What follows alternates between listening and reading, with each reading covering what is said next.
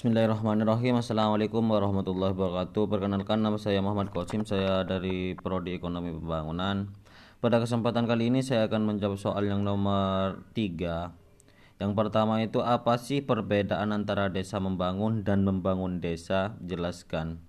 Yang saya pahami tentang perbedaan desa ini desa membangun dan des desa membangun atau membangun desa. Secara simpel desa membangun yaitu dianggap desa tersebut mandiri. Sedangkan membangun desa desanya itu oleh pihak pemerintah.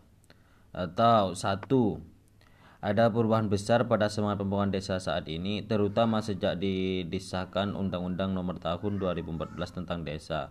Undang-undang ini menempatkan desa sebagai subjek pelaku pembangunan. Kini warga desa melalui struktur yang ada memiliki wewenang penuh menjalankan pembangunan desa modalnya tidak main-main selain aset dan potensi yang ada di desa juga tambah dana desa yang jumlahnya tidak main-main Paradigma ini disebut sebagai desa membangun. Nah, untuk membangun desa yaitu situasi ini berbeda dengan pola pembangunan desa yang dulu dijalankan sebelum undang-undang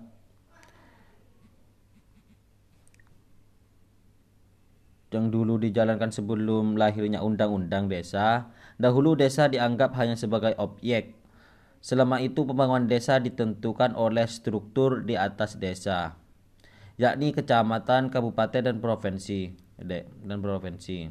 Desa sebagai milik kedaulatan hanya berperan sebagai penonton.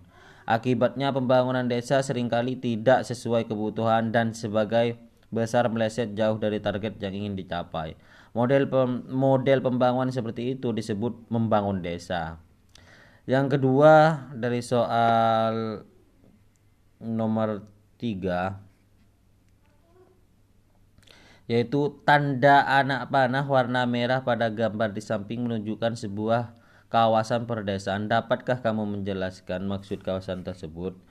Oke, pada kali ini saya akan akan menjelaskan akan menjelaskan yang apa itu? Soal yang nomor tiga. Nah, soal nomor tiga ini yang saya pahami yaitu pembangunan kawasan desa disesuaikan dengan kewenangan masing-masing level pemerintah dan provinsi pemerintah provinsi atau kawasan kota. Mungkin seperti itu yang bisa saya jabarkan. Yang nomor tiga yang maksud dari nomor tiga dari sini mohon maaf Membangun sebuah kawasan pedesaan melibatkan berbagai pihak. Sebut dan jelaskan peran masing-masing pihak tersebut.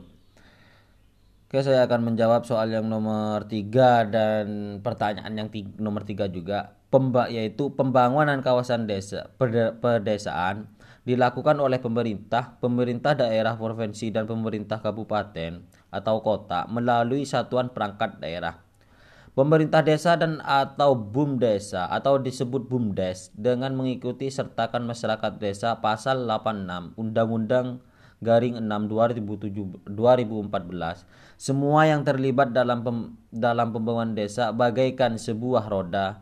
Jika salah satu tidak ikut serta akan pembangunan desa maka akan terjadi ketimpangan ketidakkeberhasilan dalam pembangunan desa.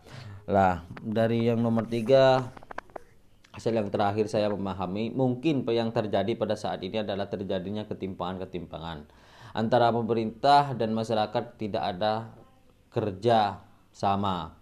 Atau antar masyarakat dan pemerintahan itu tidak ada kerja sama. Bahkan yang saya ketahui kalau di desa-desa saya ini anggaran proyek yang dikeluarkan dari pemerintahan itu tidak ada anggaran plan yang yang terpangpang pada proyek tersebut. Gitu maka dari situ adalah timbulnya kegaduhan karena ketidakkerjasamaan tersebut akan melibatkan kekacauan seperti itu. Mungkin saran buat pemerintah-pemerintah untuk desa bekerja untuk jujur, eh, bekerja jujur untuk kesejahteraan masyarakat.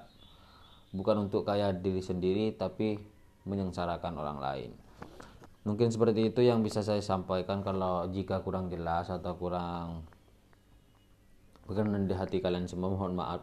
Beribu-ribu maaf. Assalamualaikum warahmatullahi wabarakatuh